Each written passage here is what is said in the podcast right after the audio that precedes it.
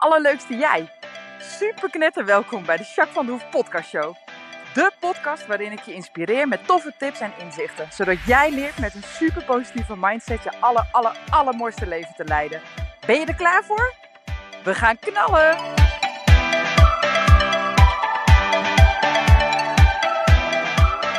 Hey, hey, hey, allerleukste jij. Super mega welkom. Podcast 64. Ehm, ik eh, ben allereerst heel erg benieuwd hoe het met je is. Hoe gaat het echt met je? Check maar weer eens even in. Ik weet niet of je ergens eh, zit nu, of dat je staat of ligt. Maakt niet uit. En sta maar eens even stil bij je ademhaling.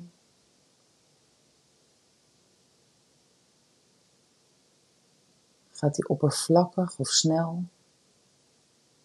Of juist heel rustig en diep? Je hoeft er niet per se wat aan te veranderen, maar neem het gewoon eens waar.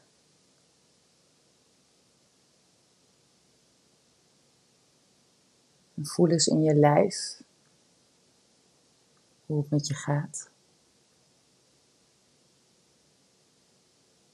Ik voel een klein beetje spanning op mijn schouders. Dat is wel grappig, want dat was er net in mijn gevoel helemaal niet. Maar nu word ik me daar bewust van. Klein beetje onrustig in mijn maag, in mijn buik. Buik is het. Dager zit het. Hmm. Ik weet niet wat het is, maar uh, zometeen even lekker wat fruit eten. Denk ik. Dat is het eerste wat er in me opkomt in ieder geval. Ik ben benieuwd hoe het met jou gaat, hoe het echt met jou gaat. Um, ik heb uh, leuke dingen. Deze hele week. Veel leuke dingen, dus dat is wel uh, tof. hey, en die Anouk, hè. Vorige week hebben we natuurlijk een podcast samen opgenomen over rouw. En daar is Anouk heel erg open en eerlijk geweest over haar verhaal. En echt, ik heb nog nooit zoveel reacties op een podcast gehad. Als je hem nog niet geluisterd hebt, luister hem even alsjeblieft. Dat meisje is gewoon 15. Die heeft hele nare dingen meegemaakt. En zo open en zo mooi als ze wat ze vertelt en hoe ze daarmee omgaat. Echt, ik vind het zo knap. Maar ik vond ook echt heel mooi al die toffe reacties van mensen die zeiden van jeetje, wat oprecht en wat knap. En nou ja, dat is ook echt zo. Dus uh, Anouk is inmiddels uh, klaar met haar stage. Ze heeft het heel goed gedaan. Dus ook dikke, dikke voldoendes gehaald op alle vlakken. Dus dat is heel fijn. En uh, nou ja, ik was hartstikke blij dat ze twee weken stage mij heeft gelopen. Want uh, zij heeft een hoop geleerd, maar ik heb ook echt wel wat van haar geleerd. Dus daar ben ik heel dankbaar voor. Dus uh, dat. Nou, verder ben ik volop bezig met mijn boek. Op het moment even wat meer tijd creëren, want anders dan blijf ik hangen, zeg maar. Dat wil ik niet. Dus dat gaat heel goed. Um, het is heel erg leuk om te doen. Ik vind het zo leuk om te doen. Het kost echt heel veel tijd. Maar het is zo leuk. Je bent ik ben constant uh, artikelen aan het lezen en dan weer een boek erbij. En denk ik, oh ja, dit vind ik ook interessant om daar wat meer over te lezen. En dan in mijn eigen woorden en hoe ik dingen voel en zie. Dan zeg maar zelf daar uh, wat over te vertellen in mijn boek. En nou, daar ben ik mee bezig en ik vind het echt heel erg leuk. En uh, ik ben al ongeveer op de helft, dus het gaat best wel goed. Ja, en ik had heel ambitieus gezegd, einde dit jaar moet hij klaar zijn. Nou, dat wordt misschien een beetje krap. Maar in januari hoop ik toch wel mijn, het schrijven af te kunnen ronden. Ja, en dan, uh, voor mijn gevoel, ben ik dan klaar. Maar dat is natuurlijk helemaal niet waar, want dan wordt die geredigeerd natuurlijk helemaal. Ik heb een hele goede uitgever gevonden, dus dat is echt super fijn. En die gaat dat allemaal doen. Maar goed, dan wordt niet alleen mijn tekst nagekeken op mijn dyslexiefouten, spelfouten en dat soort dingen en de zinsopbouw. Maar ze zal natuurlijk ook kritische vragen stellen. Waarom heb je dit zo geschreven? Uh, is dit wat je ermee bedoelt? Uh, dat soort vragen, zeg maar. Nou, daar ben ik heel benieuwd naar. Of dat heel veel werk is, of dat het juist heel duidelijk is wat ik tot nu toe geschreven heb. Geen idee. Ik doe het wel heel erg op zijn chaks. Ik lees zelf heel veel boeken. Uh, en ik doe het echt wel anders, denk ik, dan iemand anders. Tot nu toe wat ik gelezen heb zelf. Uh, er ligt heel veel chak in, zeg maar. Dus ik ben benieuwd hoe, uh, hoe dat zo meteen ontvangen wordt. In eerste instantie door het proces en daarna door jou, zeg maar. Hè, als je straks dat boek gaat lezen. Dus, maar ja, wel echt heel tof hoor. Dus ja, daar ben ik volop mee bezig. Dus dat is echt heel gaaf. En uh, nou ja, als dat redigeren helemaal klaar is, dat zal best wel even duren. Dan wordt de vormgeving natuurlijk nog gedaan. Uh, Iris is volop aan het tekenen voor me. Uh, heel erg tof wat ze tot nu toe heeft gemaakt. Echt fantastisch. Dus dat is echt heel erg tof. Ja, helemaal gaaf. Nou, dat moet natuurlijk ook allemaal in mijn boek komen. Dus ja, dus voorlopig is het nog niet helemaal klaar. Dan wordt het gedrukt. Nou ja, en dan is die klaar. En dat proces zeg maar, neemt best wel wat tijd in beslag. Dus ik heb begrepen dat, dat het gerust drie maanden duurt. Dus ik hoop heel erg eerst kwartaal uh, te gebruiken om alles af te maken volgend jaar. En, en de vormgeving en regie uh, erop te zetten. En dan hoop ik dat die gedrukt wordt. en dat die tweede kwartaal, het zou misschien wat ambitieus zijn, maar dat zou perfect zijn, dat die tweede kwartaal van 2022 uitkomt. Dus ik hoop heel erg in het voorjaar, mei, juni, dat zou echt perfect zijn. Maar goed, dat is even afwachten of dat lukt. Maar ik ga er wel vanuit dat je hem zo meteen uh, uh, in de zomervakantie mee kunt nemen op vakantie. Doe hem in je koffer. Daar ga ik wel een beetje van uit. Dat moet toch wel lukken, hoop ik. Maar uh, ja, superleuk. Dus daar ben ik volop mee bezig. Helemaal blij. Dus dat. hey, en ik vraag natuurlijk altijd om je hoogtepuntje. Wat is jouw hoogtepuntje van deze week?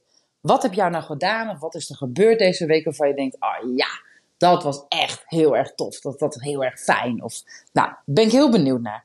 Wat is mijn hoogtepuntje? Nou, op dit moment, ik weet niet of je dat herkent, maar in mijn omgeving, zowel binnen mijn klantenbestand als uh, privé, heel veel mensen die positief getest worden op corona. Um, en um, nou ja, ik heb uh, twee weken geleden, nee, vorige week heb ik met iemand een uur in de blokhut gezeten. En uiteraard anderhalve meter afstand en het raam open, dat soort dingen wel. Maar uh, die bleek dus achteraf corona te hebben. Nou, ik ben heel erg blij, want ik ben de volgende dag, want ze heeft me s'avonds geappt van sorry, sorry, maar ik ben positief getest. Uh, ik ga nog even de officiële test doen, maar dan weet je het. En uh, nou, de volgende dag heeft ze de officiële testuitslag gekregen en zij was inderdaad positief. Nou, ik dus diezelfde avond meteen, of diezelfde middag meteen een zelftest gedaan en ik was negatief. Volgende dag weer een zelftest gedaan, weer negatief. Heel fijn. Ik heb nog iemand in mijn privéomgeving gehad die ook achteraf besmet bleek te zijn met corona. En ook daar is het gelukkig goed gegaan. Dus ik test me helemaal ziek. elke keer uh, thuistestjes doen, bijna elke dag op dit moment. Maar dat maakt me niet uit. Ik ben elke keer negatief. Dus uh, nou ja, ik ben niet negatief als persoon volgens mij. ik heb ook niet zo vaak negatieve gedachten. Maar ik ben wel heel blij met negatieve test.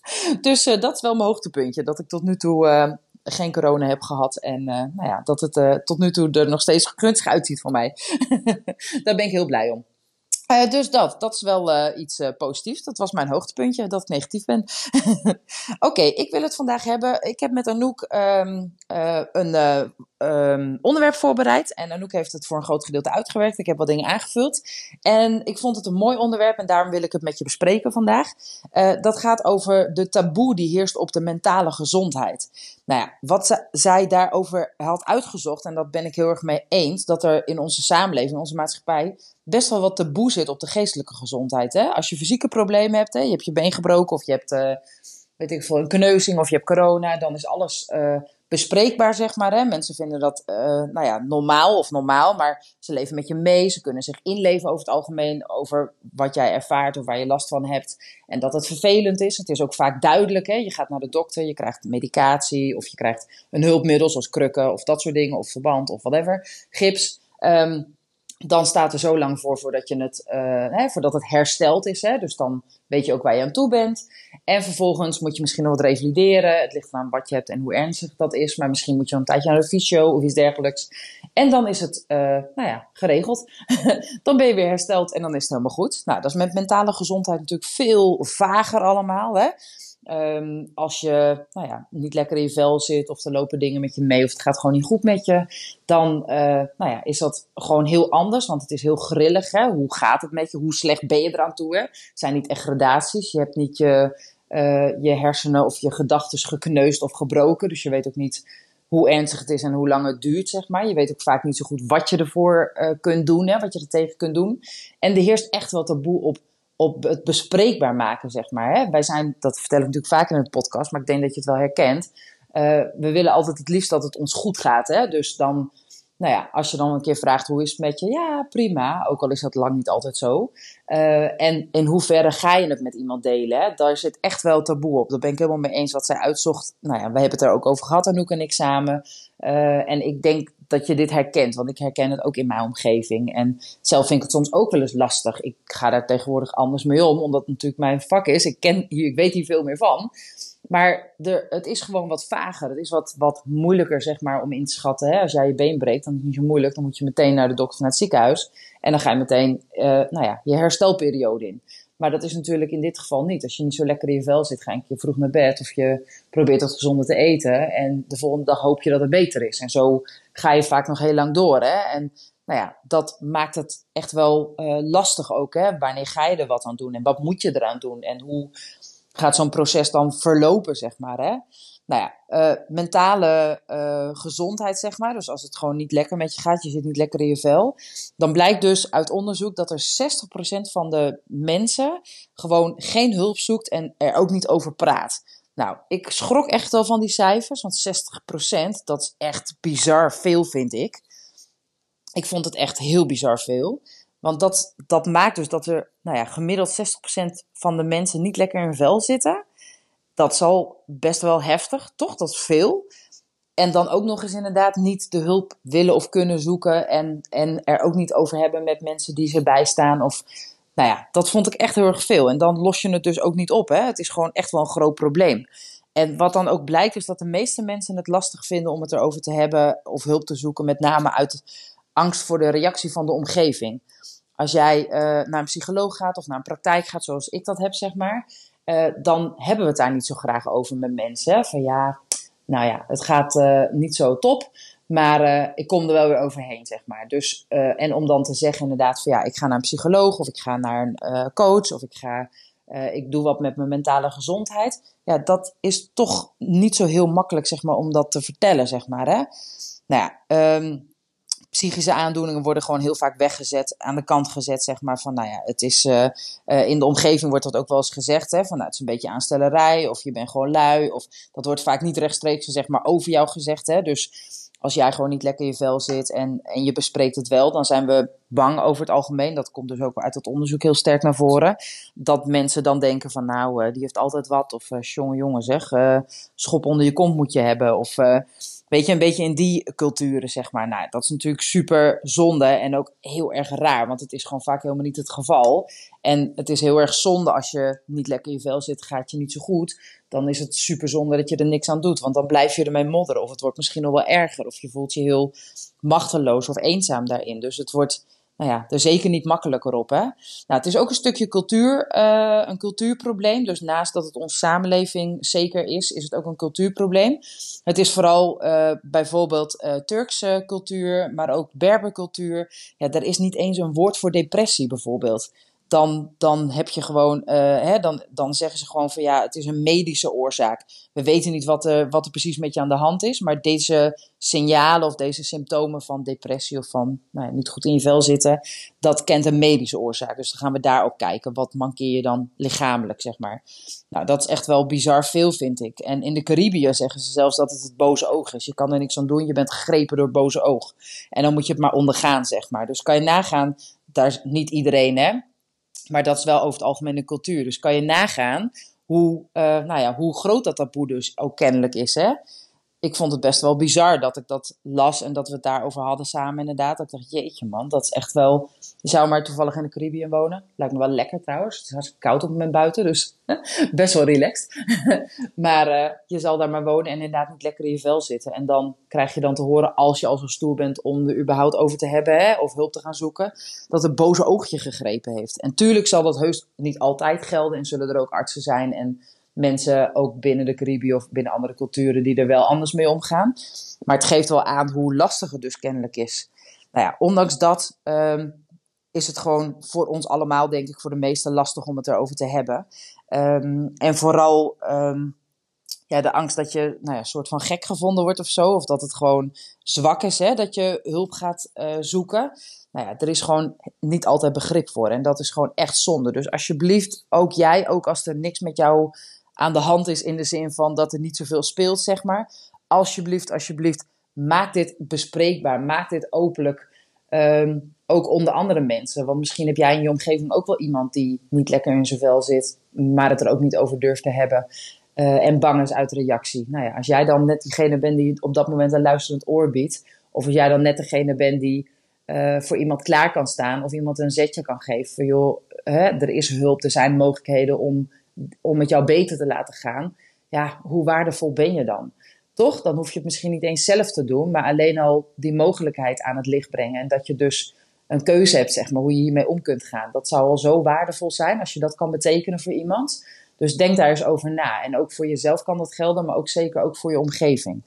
Nou ja, wat ik heel erg uh, duidelijk wil zeggen, het helpt sowieso als je uh, als er iets is, als het niet goed gaat met je, dan helpt het sowieso om er toch over te praten. Hoe spannend je dat misschien ook vindt. Kijk in je omgeving of er iemand is die, nou ja, die daarvoor open staat, waarvan je het gevoel hebt of het vertrouwen hebt, zeg maar, dat die persoon er serieus mee omgaat. Of dat hij je een stukje op weg kan helpen, zeg maar. Soms is het ook gewoon lastig om het binnen, nou ja, binnen je eigen netwerk te verzoeken omdat je niet altijd begrepen wordt of dat je het lastig vindt om te delen, dat die stap te hoog is, zeg maar.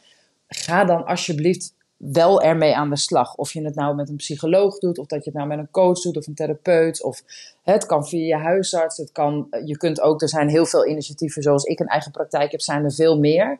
Die een eigen praktijk hebben en die je echt gewoon next level kunnen helpen. Ehm, als je dat een stap te ver vindt, of je kunt het niet betalen, of, of om wat voor reden ook kan het niet, ga eens op internet kijken. Er zijn ook zoveel um, goede bedrijven, zeg maar, initiatieven die bijvoorbeeld een online training doen. Dat is minder persoonlijk, maar het is in ieder geval al een stap. Uh, er zijn hele goede zelf, zelfhulpboeken vanaf volgend jaar, half zomer, uh, half, ik hoop, uh, juli, juni, mei, I don't know. Maar dan is er ook een heel goed nieuw zelfhulpboek op de Nederlandse markt. die je echt heel erg goed kan helpen. ik weet nog niet hoe die heet, maar Watch Me komt echt goed. Nee, maar dat, dat zijn allemaal dingen die bijdragen en die jou kunnen helpen. Dus alsjeblieft, alsjeblieft, doe dat. En weet ook dat zowel een psycholoog of op het op mij te betrekken als coach en therapeut zijnde.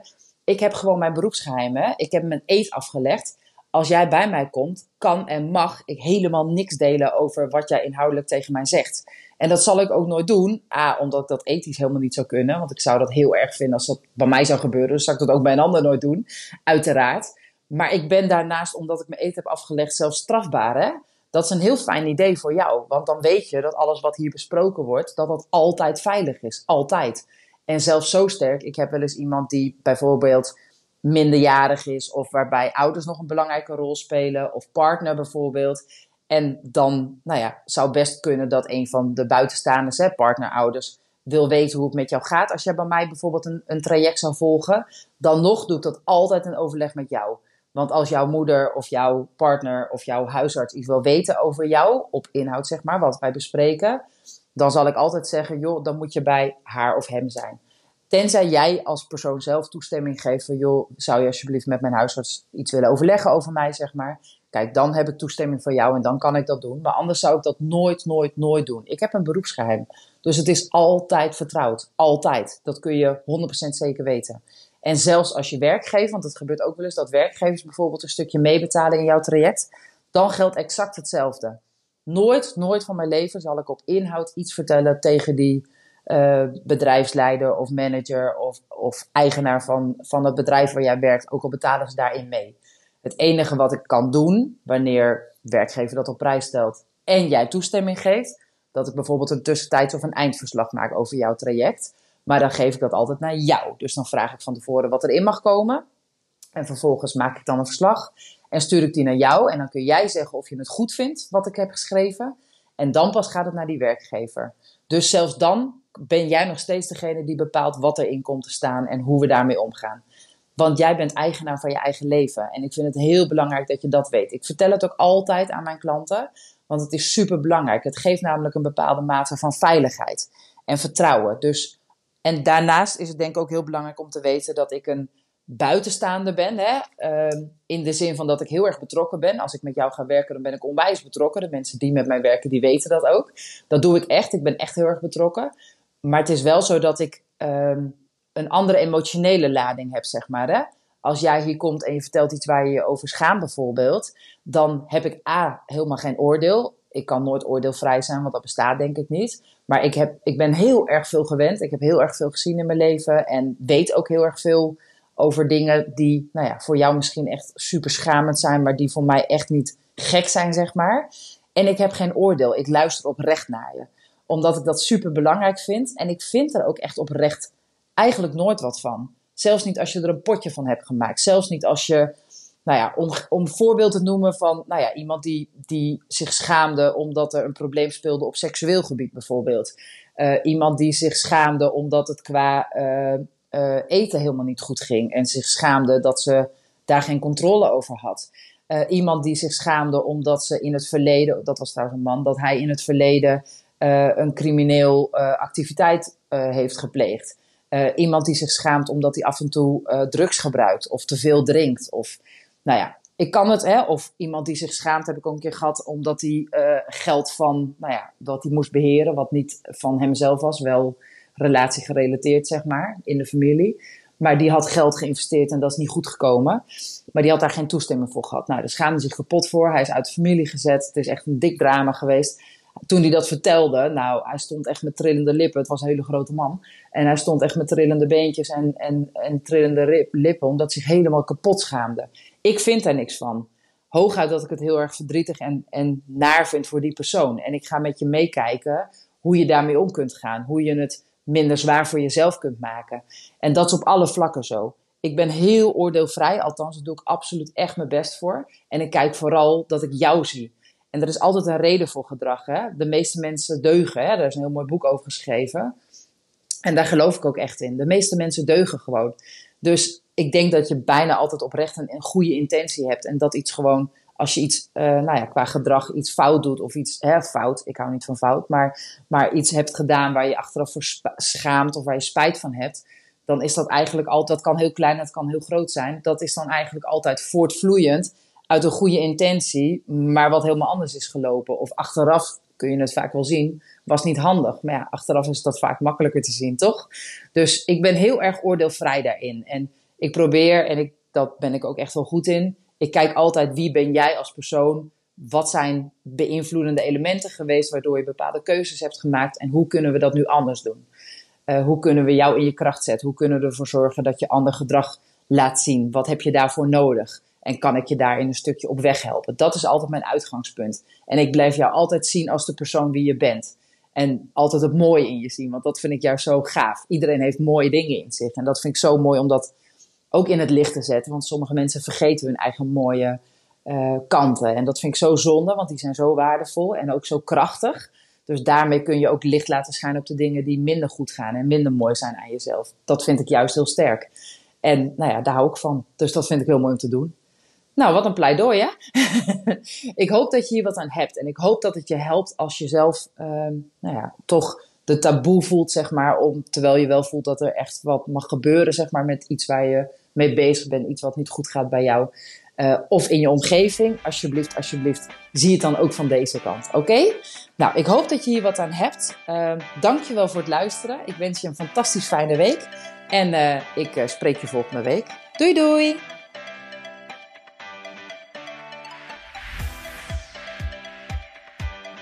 Nou, echt super mega bedankt voor het luisteren. Hopelijk heb je er heel veel aan gehad. En weet je, elk inzicht wat je krijgt is er één. En dat kan al super waardevol zijn. Wil je nou meer inspiratie? Of wil je door mij gecoacht worden om jouw issues om te draaien tot een kracht? En zo je echt de aller, allermooiste leven te gaan leiden? Nou, kijk dan op www.myimperium.nl Of volg me op Facebook, My Imperium, of Instagram, Jacques van der Hoef. Nou, en tot slot Deel alsjeblieft deze podcast met alle mensen waarvan jij denkt: oh, misschien is dit waardevol voor die persoon. Want zo help je mij onwijs mijn bereik te vergroten. En help je al deze mensen om extra inzichten en inspiratie te krijgen waar ze hopelijk heel erg veel aan hebben. Dus alsjeblieft, alsjeblieft, doe dat. En tot de volgende podcast. Doei doei!